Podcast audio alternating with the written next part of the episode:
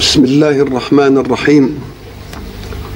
ولا استعانة إلا به والحمد لله رب العالمين ولا استزازة إلا منه. وبعد فصلى الله وسلم على سيدنا ومولانا محمد وعلى آله وصحبه أجمعين. انتهينا في اللقاءات السابقة إلى أن الله سبحانه أراد أن يصفي مسألة الخلافة في الأرض خلافة إيمانية ليقطع بها سبيل الدعوى عمن يدعون أنهم دائما شعب الله المختار أقاموا على عهد الله أم خالفوه. فبين الله سبحانه وتعالى أن إبراهيم أبا الأنبياء استحق الإمامة بنجاحه فيما ابتلاه الله من تكليفات أداها وأتمها كما يريدها الله. ولذلك كوفئ بأن يجعل الحق سبحانه وتعالى إبراهيم إماما. وإبراهيم عليه السلام أراد أن تستمر الإمامة في الأرض سمة على وجود خلق يتمسكون بمنهج الله على طريق الوفاء والإكمال والإتمام. فقال فقال لربه ومن ذريتي فرد الله إبراهيم إلى وضع يجب أن يستقر كمبدأ في من يلي إمامة المنهج في الأرض. وقال لا ينال عهدي الظالمين إذا فهذه الآية دلت على أن الله أنبأ إبراهيم من قديم على أن بعض ذريته سيكون ظالما. وما دام بعض ذريته سيكون ظالما فقد سقطت الحجة لليهود على أنهم هم الذين يجب أن يكونوا خير خلق الله وشعب الله المختار وأن النبوة والإمامة تكون فيهم. نقول لهم لا إن الله قال لا ينال عهد الظالمين. وفي ذلك إشعار بأن من ذرية إبراهيم من سيكون ظالما. والنبوة لها بنوة. وجميع وسائر الناس لهم بنوة. قد توجد البنوة, البنوة أي الانتماء النسبي أو الانتماء الدموي أو الانتماء الجنسي الانتماءات متعددة في الكون. ومعنى الانتماء أن يحسب الإنسان نفسه على شيء هذا الشيء يطلب منه أن يسير على مقتضاه. فمثلا قد ينتمي الإنسان إلى الأرض. وكلمة الوطنية طلع خرجت إلى الكون عشان انتماء الإنسان إلى الأرض. يبقى يقول وطن وطني. وقد يكون الانتماء إلى الجنس نقول إسرائيلي أو عربي. وقد يكون الانتماء إلى المذهب. فيقال ده مثلا منتمي إلى مذهب رأسمالي أي وإن كان من البلاد الشرقية. وهذا منتمي إلى المذهب الشيوعي. أي وإن كان من البلاد الغربية. إذا فمعنى الانتماء الجهة التي يحسب الإنسان نفسه عليها ليخدم قضيته ليس عند الله لون من الانتماء من هذا النوع. وإنما الانتماء المعترف به عند الله هو الانتماء القيمي. هو الانتماء المنهجي لمنهج السماء. فالإسلام لا يعرف وطن.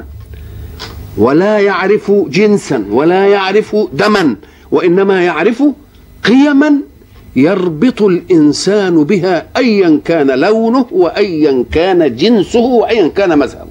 يبقى هذا هو الانتماء. اذا فقول الله لا ينال عهد الظالمين يحدد موقع الانتماء في البشر. وبعد ذلك أراد الله أن يصفي أيضا قضية بيت المقدس والقبلة فأثبت لنا أن بيت المقدس بيت حديث من إنشاء داود وسليمان ولكن الكعبة من إنشاء الله قبل آدم. فأيهما أولى في الاتجاه؟ لهذا البيت القديم أم لهذا الذي هو باختيار الله؟ أم, أم لبيت هو لله أيضا ولكن باختيار خلق الله؟ إذا فالقضايا التي يتاجر بها الإسرائيليون المعاصرون لرسول الله على الأولين في الإسلام ليفتنوهم وليصرفوهم عن دينهم يريد الله أن إيه؟ أن يبطلها فيقول الحق سبحانه وتعالى وإذ جعلنا البيت مثابة للناس وقلنا إن البيت معناه دائما في العرف ساعة إذا أطلق كلمة البيت يبقى يطلق على الدار وعلى المنزل لأن الإنسان يجهد في الحياة ثم يؤول في أن يبيت فيه أو ينزل فيه أو يدور ما يدور ثم يأتي إليه. وإذ جعلنا البيت فإذا أطلقت كلمة البيت انصرفت إلى بيت مين إلى بيت الله. جعله الله مثابة أن يثوب إليه الناس ويرجعون إليه لأنه بيت ربهم. وإذا أفزعك شيء آه، فاذهب إلى بيت ربك لتجد ربك في استقبالك فيريح آه، كل ما يمكن أن يتعبك. وإذ جعلنا البيت مثابة للناس وأمنا. ما دام نسب إلى الله يبقى يجب أن يكون إيه؟ آمن فلا يفزع إنسان فيه. وقلنا إن, إن الله جعله أمنا مش إخبار أن يكون أمنا لا. طلب من المؤمنين بالله أن يجعلوه إيه؟ أن يجعلوه. فإن أطاعوه جعلوه أمنا. وإن لم يطيعوه يفزعون الناس فيه يفزعون الناس فيه. وإذ جعلنا البيت مثابة للناس وأمنا. واتخذوا من مقام إبراهيم مصلى. كلمة اتخذوا يعني اجعلوا يعني اجعلوا هذا المكان مصلى لكم. معنى مصلى إيه؟ مصلى يعني مكان الصلاة. والصلاة تطلق ويراد بها الدعاء. وصل عليهم إن صلاتك سكن لهم. وتطلق أيضا على الصلاة على رسول الله صلى الله عليه وسلم. اللهم صل على سيدنا محمد وعلى آله. وتطلق على الصلاة الشرعية اللي هي المعروفة لنا وهي المفتتحة بالتكبير والمختتمة بالتسليم بشرائطها الإيه؟ المخصوصة.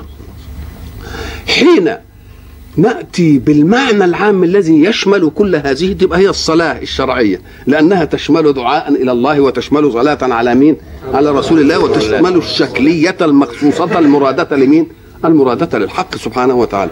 ما معنى واتخذوا من مقام إبراهيم إيه؟ مصلى. مقام إبراهيم إحنا قلنا تعرضنا لهذا تعرضات كثيرة قوي. قلنا كلمة مقام وكلمة مقام.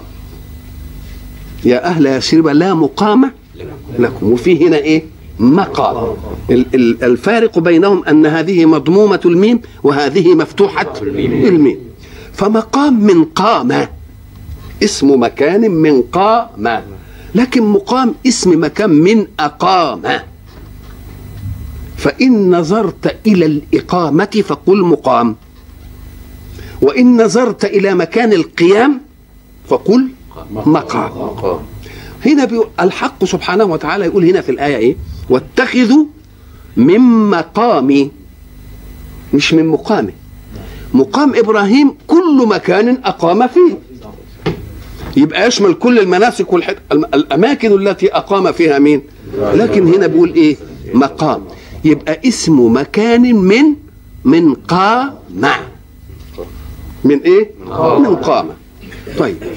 اسم مكان من قامة يعني المقابل لقاعدة من قام المقابل لقاعدة قام إبراهيم حينما أراد الله أن يرفع قواعد البيت قام على الحجر الذي نراه هناك وحوله المكان المخصوص ده. إيه كلمة واتخذوا من مقام إبراهيم مصلى؟ ألم يكونوا يصلون فيها؟ آه. كانوا يتحرجون عن الصلاة فيها لماذا؟ لأن المقام كان بين المصلي اللي يصلي خلف المقام يبقى بينه وبين البيت الحجر ده فكان الناس يتحرجون أن يصلوا وبينهم وبين الكعبة شيء فكان هذا المكان يخلو من مين؟ يخلو من الصلاة لذلك قال سيدنا عمر لرسول الله صلى الله عليه وسلم ألا نتخذ من مقام إبراهيم مصلى؟ اذا فكانوا يتحرجون من الايه لماذا كانوا يتحرجون من الصلاة فيه؟ لأنه كان بينهم وبين الكعبة وهم لا يريدون بينهم وبين الكعبة إيه؟ شيء. فكان المكان اللي هو يبقى مواجه لخلف المقام يبقى خالش. هب أن هذا هو الإيه؟ المقام. يبقى اللي هنا دي كله خالي وهنا يصلم وهنا يصلم وهنا يصلوا في أي جهة يصلم وده خالي. فسيدنا عمر لقى فجوة في البيت لا يصلى فيها. فأراد أن تعم الصلاة كل الإيه؟ بحيث لا توجد جهة من جهات الكعبة إلا وفيها صلاة. صحيح هناك في هذه الجهة مما بعد المقام ويلي المواجه للكعبة؟ في صلاة. لحد هنا في صلاة. إنما من هنا ما فيش. فسيدنا عمر رضوان الله عليه قال لرسول الله ألا نتخذ من مقام إبراهيم إيه؟ ولذلك كانت هذه من المواضع التي وافق القرآن فيها سيدنا إيه؟ عمر. وافق القرآن فيها إيه؟ سيدنا عمر. الموافقات العمرية للقرآن لها ملحظ تشريعي. هذا الملحظ التشريعي إننا كل ما نيجي في حاجة في عدالة قضاء فيها مش عارف إيه نجيب سيرة مين؟ عمر. عمر عمر عمر. أما كان أولى بذلك أن نأتي بسيرته صلى الله عليه وسلم في هذه الأشياء. الرسول مؤيد بالوحي. وعمر بشر غير مؤيد بالوحي. فيريد الله أن يثبت للناس أن الفطرة إذا سلمت. والفطرة إذا صفت تستطيع بذاتها أن تهتدي إلى حكم الله. تستطيع بذاتها أن تهتدي إلى مين؟ إلى حكم الله. فكأن الله لم يتعبدنا بشيء تعنتا وإنما هو يتعبدنا لتلتقي أهواؤنا وفطرنا. بدليل أن الفطرة لو صافية تستطيع أن تنتهي إليه أهو عمر مر كده ولقاها كده مش طبيعية لقاها كده فيها إيه؟ مش طبيعية. أما قال لك ألا نتخذ من مقام إبراهيم مصلى فينزل الله واتخذوا من مقام إبراهيم إيه؟ واتخذوا من مقام إبراهيم مصلى الله. يجي الرسول يجي يقول للنبي عليه الصلاة والسلام يا رسول الله يدخل عليك البر والفاجر. فهل أمرت نساءك بأن يحتجب يوم تنزل آية مين؟ آية الحجاب. ليه؟ يجي مثلا في مسألة الفداء بتاع ال ال في بدر. الله. الموافقات دي العمرية دي تيجي ليه؟ ليه؟ علشان إثبات أن الفطرة إذا صفت تستطيع أن تهتدي إلى إيه؟ حكم الله. إلى حكم الله. ولكن ما أقل أن تصفو الفطرة. أقل فيحمل الله عنا ولكن يدع شيئا من الشيء يجي مثلا كل حاجة نلاقي عدالة عمر. ها مش عفة عمر مش عارف حزم عمر. ها إيه الحكاية دي؟ يقول لك لأنه لو كان كل ذلك مأخوذ ومستمد من رسول الله سيدنا محمد صلى الله عليه وسلم لقال الناس رسول مؤيد بالوحي لازم يعمل كده. نقول له لا وبشر متبع سنة رسول يستطيع أن يعملها. بشر يستطيع أن إيه؟ أن يعمل هذا فقال الحق واتخذوا من مقام إبراهيم مصلى. طيب إذا كان الله قد أمرنا أن نتخذ من المقام مصلى يبقى الله سبحانه وتعالى أقر وجود المقام هنا فاصلا بين من؟ بين من يصلي خلفه وبين مين؟ وبين الكعبة. قال لك إيوه لأن مقام إبراهيم ده له قصة. هذه القصة لها صلة بتأصل العقيدة في نفس المؤمن ولها صلة أيضا بالإتمام والإكمال الذي ابتلى به إبراهيم. ربه لما ابتلى ربه إبراهيم. ابتلاه أتمهن ولا لأ؟ دي برضه هتدينا إيه؟ حيثية الإتمام. المقام دي هتدينا حيثية الإيه؟ حيثية الإتمام. بدليل أن الحق سبحانه وتعالى ساعة يتكلم فيما يأتي. يقول فيه آيات بينات في إيه في البيت كعبة مش كده؟ مقام إبراهيم. لم يأتي من الآيات المبينات بالتفصيل إلا مين؟ ده كأن مقام إبراهيم ده له حيثيه كبيرة. وإلا في ايات آيات البيت كتير ولا لأ؟ آيات البيت كثيرة. فلماذا لم يظهر بخصوصه إلا مقام إبراهيم. قال لك أيضا لأن له حيثية في الإتمام وحيثية في الإكمال وحيثية في إن إبراهيم نجح في الإيه؟ في الابتلاءات التي ابتلاها بها ميرا طيب ما دام المقام هو مكان قيام إبراهيم مكان قيام إبراهيم كان لماذا؟ لبناء البيت. لبناء البيت. لبناء البيت. والله سبحانه وتعالى سيأتي في الآية يقول إيه؟ إن ساعة أمر إبراهيم وإسماعيل أن يطهر البيت ويرفع القواعد.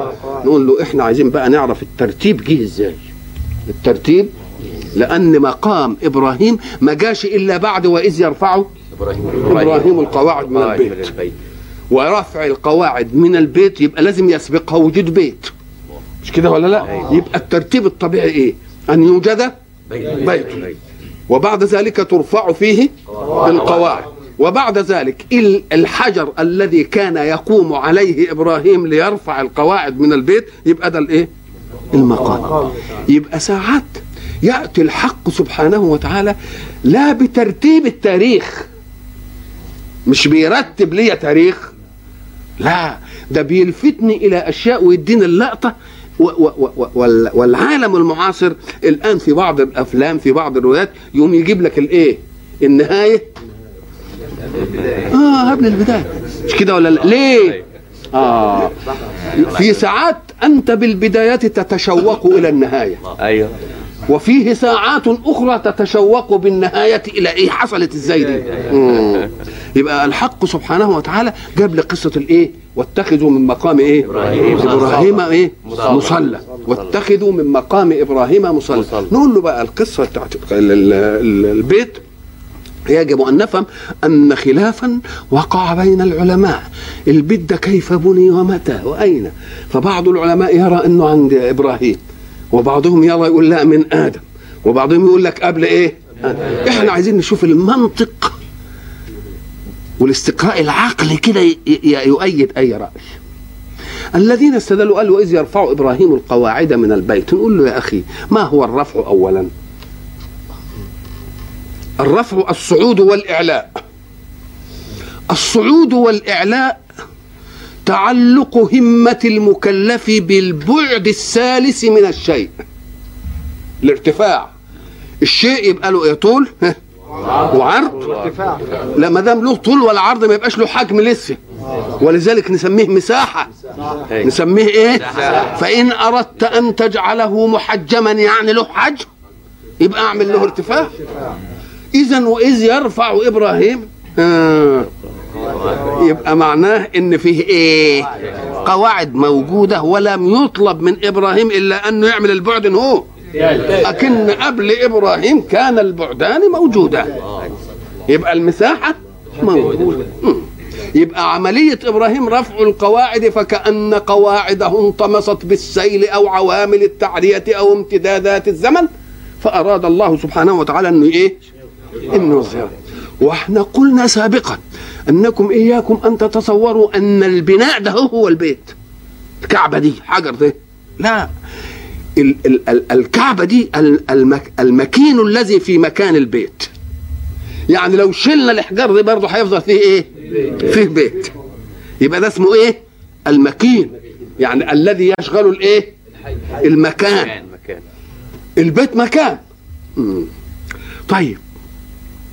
يبقى اذا الذين قالوا إنه هو إبراهيم نرد عليهم نقول لهم لا المر الذي قاله الله أن إبراهيم يرفع ومعنى يرفع القواعد من البيت كأن قواعد البيت كانت معلومة.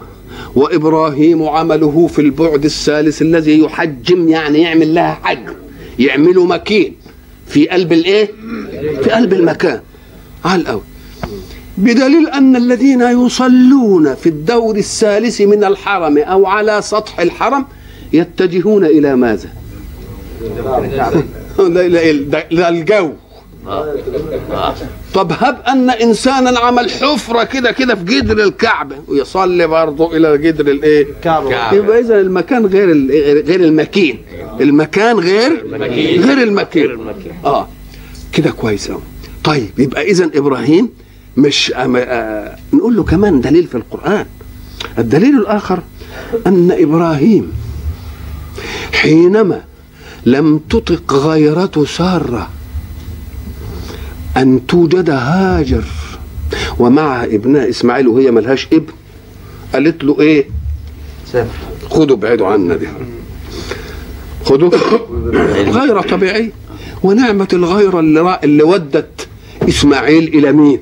إلى بيت إبراهيم آه إلى الكعبة دي فلما ذهبت طبعا خدت ابنها الرضيع ساعة ذهبت إلى ابنها الرضيع الآية اللي. اللي معانا بيقول وإذ يرفع مين؟ إبراهيم. إبراهيم القواعد من البيت وإسماعيل له يبقى من الذي اشترك معه في ابن إسماعيل. ابن يبقى إذا كان إسماعيل بعمر وسن يسمح بالمعاونة في الرفع مش كده؟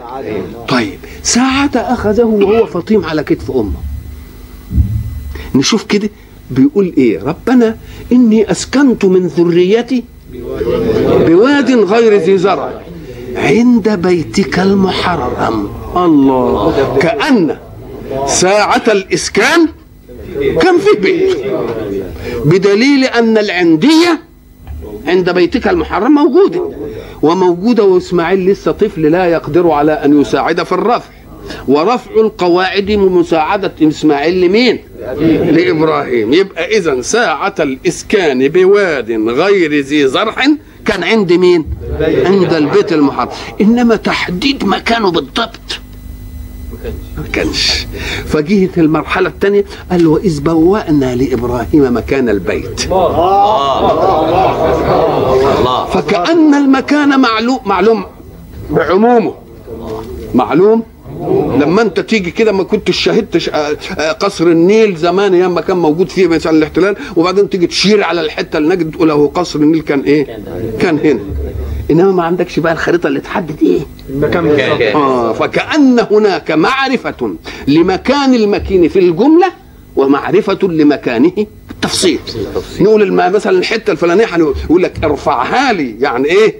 ارسمها لي واديني الأبعاد كده وبتاع وحاجات زي دي. آه. يبقى اذا الحق سبحانه وتعالى بوأ المكان لإبراهيم. فالعندية كانت موجودة عند الإسكان. خلاص؟ وقبل أن يأمر الله إبراهيم وإسماعيل بأن يرفع القواعد بوأ لهم مكان الإيه؟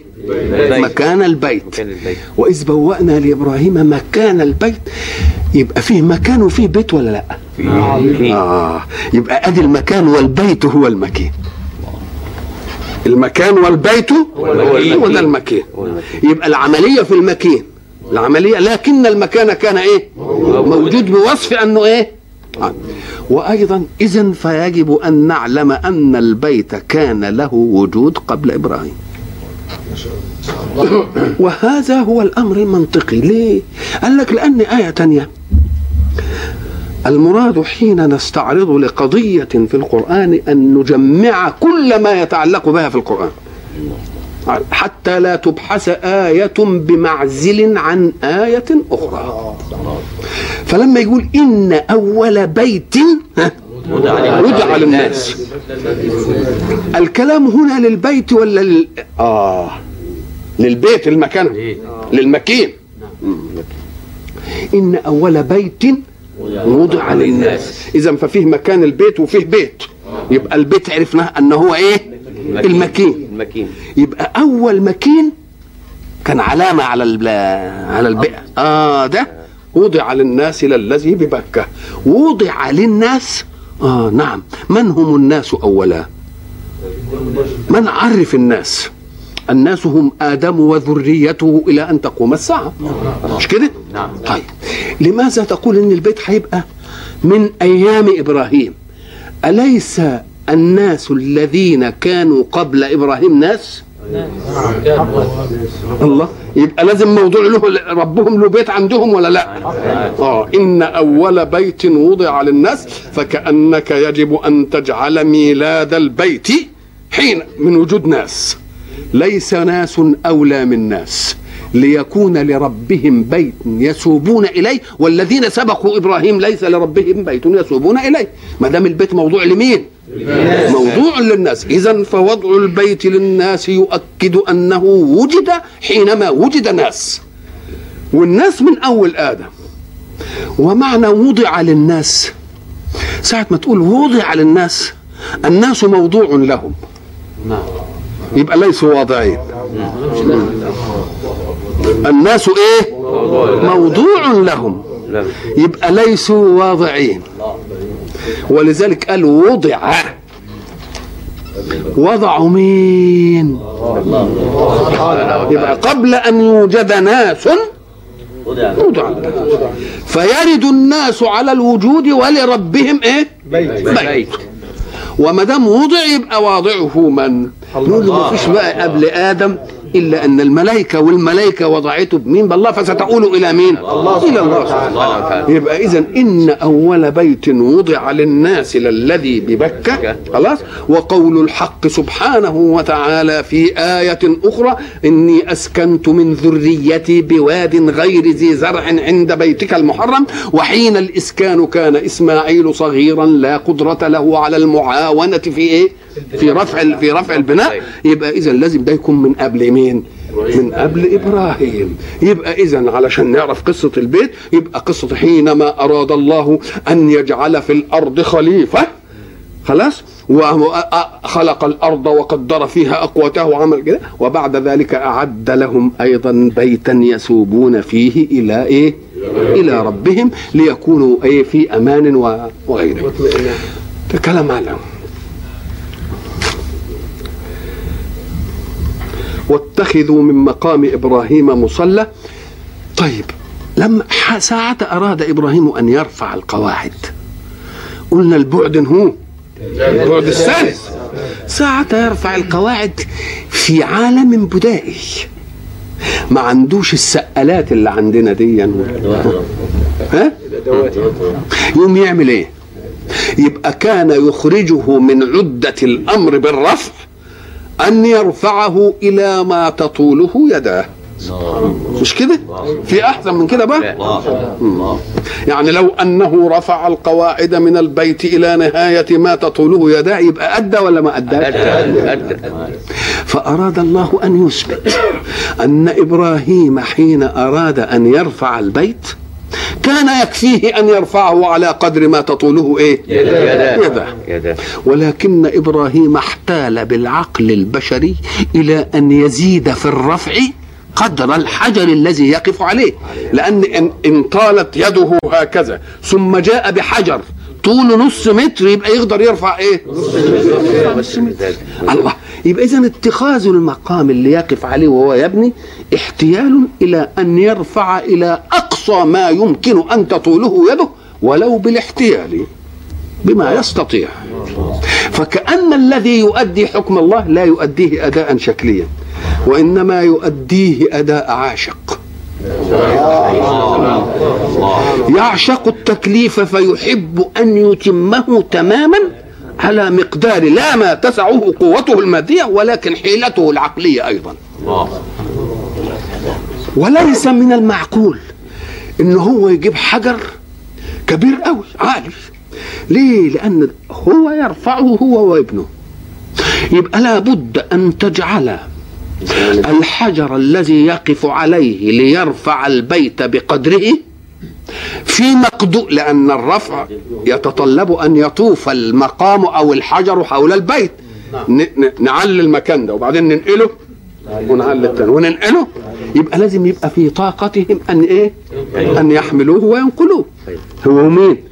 هو إسماعيل. ولذلك تجد لما تشوف الحجر تجد هو طاقت كده. يدوب هو طاقت إن هو إيه؟ إن هو يحمله بهذا الشكل. اذا فالحجر سمة لإكمال التكليف إكمال محب. للتكليف. إكمال مين؟ محب. محب. وكان من الممكن أن يخرج من عهدة التكليف بأن يرفعه على ما تطوله يده. انظروا إلى أن إسماعيل صغير. ساعة ينقلون ينقلان الحجر يبقى ممكن لإسماعيل أن يعاون. لكن ساعة ليس طول إسماعيل هو طول إبراهيم. مش كده ولا لا؟ يبقى إذا في الرفع إيه؟ ساعة ما يشيله كده؟ ما ينفعش. يبقى إذا إسماعيل كان بيعاون في إيه؟ يا يناول الحجر يا ينقل الحجر يناول حجر البناء الذي يرفع به يا ينقل الحجر اللي بيرفع عليه. اذا ففيه حجران حجر يرفع عليه وحجر يرفع به. فإسماعيل يعاون في الحي يجيب الحجر اللي هيرفعه به اللي هيبنوه يعني. والحجر اللي بيقف عليه ده يساعد أبوه في نقله. إنما ساعة يأتي إبراهيم ليضعه في المكان. يبقى إسماعيل لا تطول يداه يدي أبيه. فهنا حينما وجدوا في مقام إبراهيم غور غور شيء يشبه القدمين. قالوا إن إبراهيم ساعة ما كان حجر رجليه علمت إيه؟ عليه علمت في الحجر. إحنا لما شفنا وجدنا إن تعليم الرجلين في الحجر لازم تاخد شكل متعرج مش شكل مستوي. ما هو الشكل مستوي. صحيح هي لها الشكل العام في القدم. إنما ما فيش فيه النتوءات اللي بتبقى في الإيه؟ أنا يعني ده اجتهاد بشر قلت لهم غالب الظن أن إبراهيم ساعتها يأخذ الحجر من ابنه أو هما الاثنين يشيلوا الحجر الذي يبنى به ويقف هو وحده لأن الحجر ما يسعش من مقام إلا واحد. يبقى مين اللي هيشيل الثقل دي كله؟ إبراهيم إبراهيم. وده حجر. والحجر ده أملس ناعم. فمخافة أن الثقل يثقل إبراهيم يمكن رجله. فهو الذي صنع بيده. حاجتين اتنين كده. حتى إذا وصعد على الحجر يضع رجليه في المكانين المحفورين فتمنع رجله إنها تروح كده أو تروح كده. نعم. الله يفتح عليك. آه. وإذ يرفع إبراهيم القواعد من البيت يبقى إذا مقام إبراهيم سمة على عشق التكليف من إبراهيم في الرفع. كويس؟ وما دام سمة دي درس ربنا حب يجعله آية بينة كده. ليه؟ لأن كل منهج الله بالنسبة لخلقه تكليف. فهو يريد أن يقول هذا إبراهيم انظروا كيف احتال ليتم الرفع إتماما لا ليخرجه من عهدة التكليف ولكن ليبين عشق التكليف له فإذا أردتم أن كنتم توفوا التكاليف وفوها بإيه؟ بعشق وفوها بإيه؟ بعشق وإلا فأتمهن دي ما تجيش كده يعني. وإذ جعلنا البيت مثابة للناس وأمنا واتخذوا من مقام إبراهيم مصلى. طيب آه هذا الحجر الذي جعله الله سمة لعشق التكليف وإتمامه وإكماله بحيل البشر يكون سبب في إننا نمنع حتة من المسجد لا يصلى فيها؟ آه. طب ده جاي شعار الإتمام. جاي إشعار الإيه. الإتمام. والإكمال. يبقى هو يجي إشعار النقص حتة في البيت كده تبقى فجوة ما حدش يصلي فيه. إذا كان أمرا منطقيا إنه لازم إيه؟ آه. واتخذوا من مقام إبراهيم مصلى. وعهدنا إلى إبراهيم وإسماعيل أن طهرا بيتي انظروا هنا أيضا إلى أن طهرا بيتي طب إذا كانوا هم اللي بنينه لسه هو كان هيبقى إيه اللي نجسوا عشان يطهروه؟ ده هم اللي بادئين. يبقى دليل على أن البيت ساعة طمرت قواعده ومكانه الحقيقي في فرق بين مكانه الإجمالي ومكانه الحقيقي أصبح في الوادي مكانا آه، يذبحون فيه ذبائحهم آه، ويلقون فيه الفرس والدم والمش عارف الإيه فقال ربنا بقى لا طهروا بقى البيت كده عشان مم. يبقى ما دام قال طهرة فكأن أمرا طرأ على البيت ولو ان هم اللي بنوه ما كانش مطهره ما يمكنش نعم أن طهر بيتي الإيه؟ للطائفين. طهرة من إيه؟ نشوف. من الأقذار دي خلاص ما هو المكان انطمر وتيجي فيه أقذار زي ما تشوفوا أنتوا أي مكان كده خالي وفيه آه، للطائفين والعاكفين والركع السجود. ثلاث إيه؟ ثلاث حاجات. طيب. طائفين يعني إيه؟ الطواف يطلق ويراد به الدوران حول الشيء. ويراد به الجولة مش حوله الجولة إليه. يعني مثلا تيجي بتسمي العسس طوافة. ويمكن في بعض الفلاحين يسموه إيه؟ طواف. برضه. مش بي آه لأنه بيتغلغل إيه؟ تقول طفت يعني درت حول الشيء. وطفت إلى الشيء انتهيت إليه. وطفت إلى الشيء ألممت به. كل ما يلم بشيء يسمونه إيه؟ طائف فطاف عليها طائف من ربك وهم نائمون فأصبحت كالايه كالصريم. آه، أو مثلا إيه؟ إن الذين اتقوا إذا مسهم طائف من الشيطان إيه؟ يلم بهم يعني. آه طهر بيتها للطائفين. أو هم كانوا ما. وضعوا برضه حتت أصنام هناك وابتدعت الوثنيات والشرك ي- آه، يجي. يصح يكون هذا. آه. للطائفين والعاكفين. طب الطائف ولا هيطوف كده. والعاكف المقيم. المقيم. والركع السجود. المصلين. الإيه؟ المصلين. المصلين. المصلين. أو أو أو أو البيت يشمل الثلاث. فحين تدخله طائفا وحين تجلس فيه يبقى عاكف. وحين تقوم تصلي تبقى مصلي. مصلي. ثلاث نعم. حاجات يبقى للثلاث أصناف ولا لا. أو الركع السجود. كلمة ركع جمع مين راكع. طب وسجود؟ ساجد. لا برضه سجود جمع إيه؟ جمع ساجد. ساعة يأتي المصدر على فعول يقول النحاة أنه ساعة يجيء المصدر على فعول زي قعد قعودا وسجد سجودا. سجودا. مم. يبقى الجمع يأتي على فعول أيضا. فيبقى للركع والإيه والسجود يعني والسجد. والسجود يعني إيه؟ سجد. والسجد. والقعود يعني إيه؟ هناك في سورة البروج إيه؟ النار ذات الوقود إذ هم عليها إيه؟ قعود. قعود. وهم على إذ هم عليها إيه؟ قعود. قعود. قعود جمع إيه؟ قاعد. يبقى إذا جاء المصدر على فعول يبقى يصح أن تجمعه أيضا على إيه؟ على فعول. والركع إيه؟ السجود يعني الركع الإيه؟ السجود. أو هو يطهر لمن يشهد بطواف أو اعتكاف عنده ومطهر أيضا لأنه سيكون قبلة للناس لكل راكع وساجد في الأرض. لكل الركع ولكل الإيه؟ ولكل الساجدين. وعهدنا إلى إبراهيم وإسماعيل أن طهرا بيتي للطائفين والعاكفين والركع السجود. والركع السجود. وإذ قال إبراهيم رب اجعل هذا بلدا آمنا. هو قايل إيه الأول؟ وإذ جعلنا البيت مثابة للناس وأمن وأمن وأمنا. يبقى هو ما دام مجعول امن يبقى دعوة إبراهيم إن يجعله أمن إيه؟ إذا رأيت طلبا لموجود فاعلم أنه الدوام. المطلوب فيه الإيه؟ الدوام. الدوام.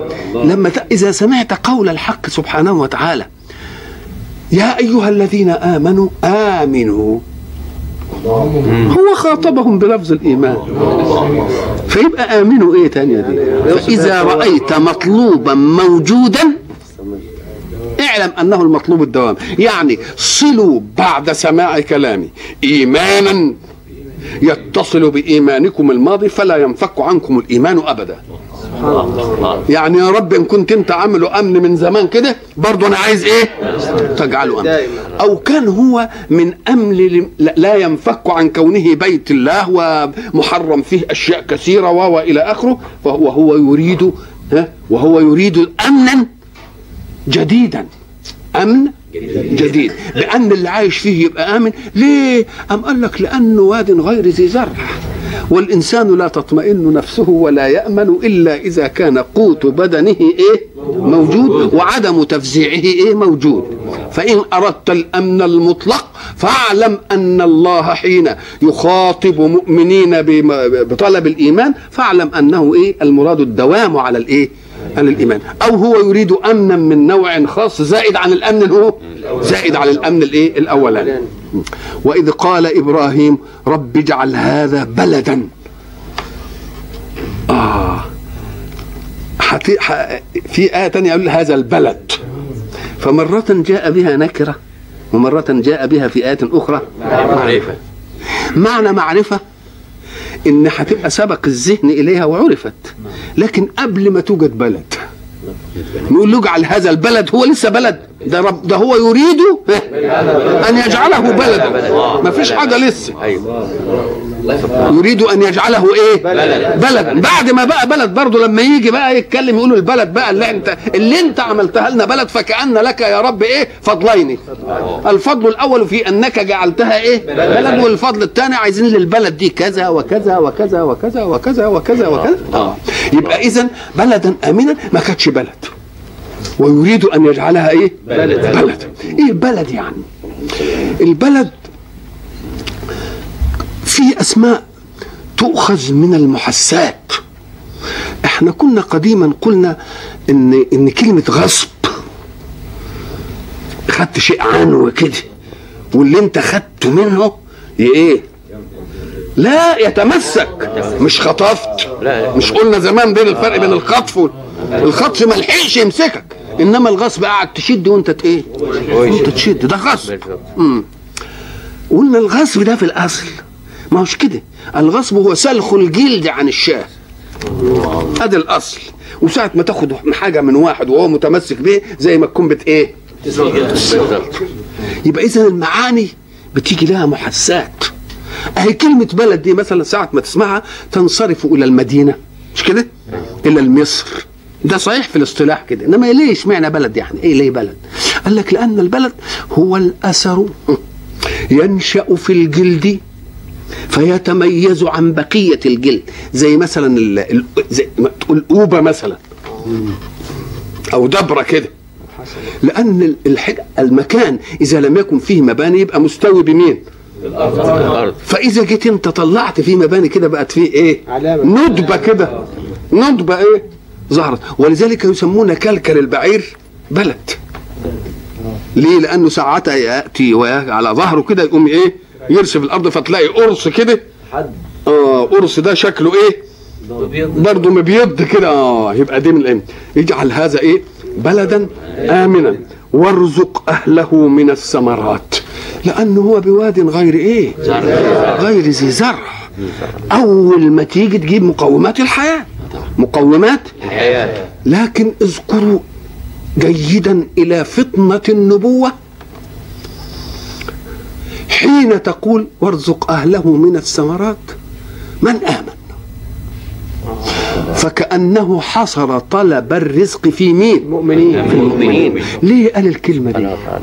لأن الله نبهه حين قال ومن ذريتي قال له لا لا ينال عهد الظالمين فخشي إبراهيم أن يكون طلبه هذا كطلبه ذلك فقال لا من آمن ونخلص. من آمن. فكأنه أخذ الإيه؟ الدرس من قوله ومن قال له ومن ذريتي؟ قال له لا لا ينال عهد الظالمين. فلما جاء وطلب الثمرات للمكان قال من آمن؟ امن شوف الوفاء شوف الإتمام شوف اليقظة في استقبال التكليف شوف التعلم من أدب الله له أولا. ولكن انظروا إلى استيعاب رحمة الله. قال له يعني بالمعنى كده قال له أنت خلطت يا إبراهيم. لأن حين قلت لا ينال عهد الظالمين تلك في إيه؟ في إيه؟ في إمامة القيم إنما دي في بقاء المادة للكل والكافرين كمان والكافرين فأنت صحيح كويس اللي أنت تنبهت إلى إيه؟ إلى دي وقلت إيه؟ من آمن ولكني أعدل لك برحمتي أنني حين استدعيت الخلق إلى الدنيا استدعيت المؤمن والكافر. وسخرت ما في الأرض للمؤمن والكافر. لأن الكافر كما قلنا لم يستدع نفسه للوجود. وإنما استدعاه مين؟ الله الله ما دام استدعاه يبقى لازم يضمن له مقومات إيه؟ الحياة. مقومات حياته ولذلك قلنا سابقا هل قال الله للشمس اطلعي على من آمن بي ولا تطلعي على من كفر؟ أبدا تطلع على ده هل قال للأسباب استجيبي لمن آمن بي ولا تستجيبي لمن كفر؟ ولا قال الأسباب هذه يأخذها مين؟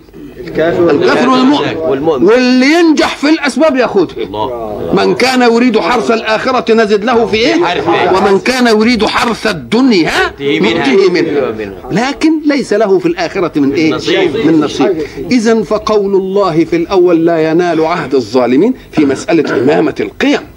القيادة السلوكية القيادة التكليفية القيادة المنهجية. لكن في مسألة القوت القوت مطلوب لمن؟ للجميع.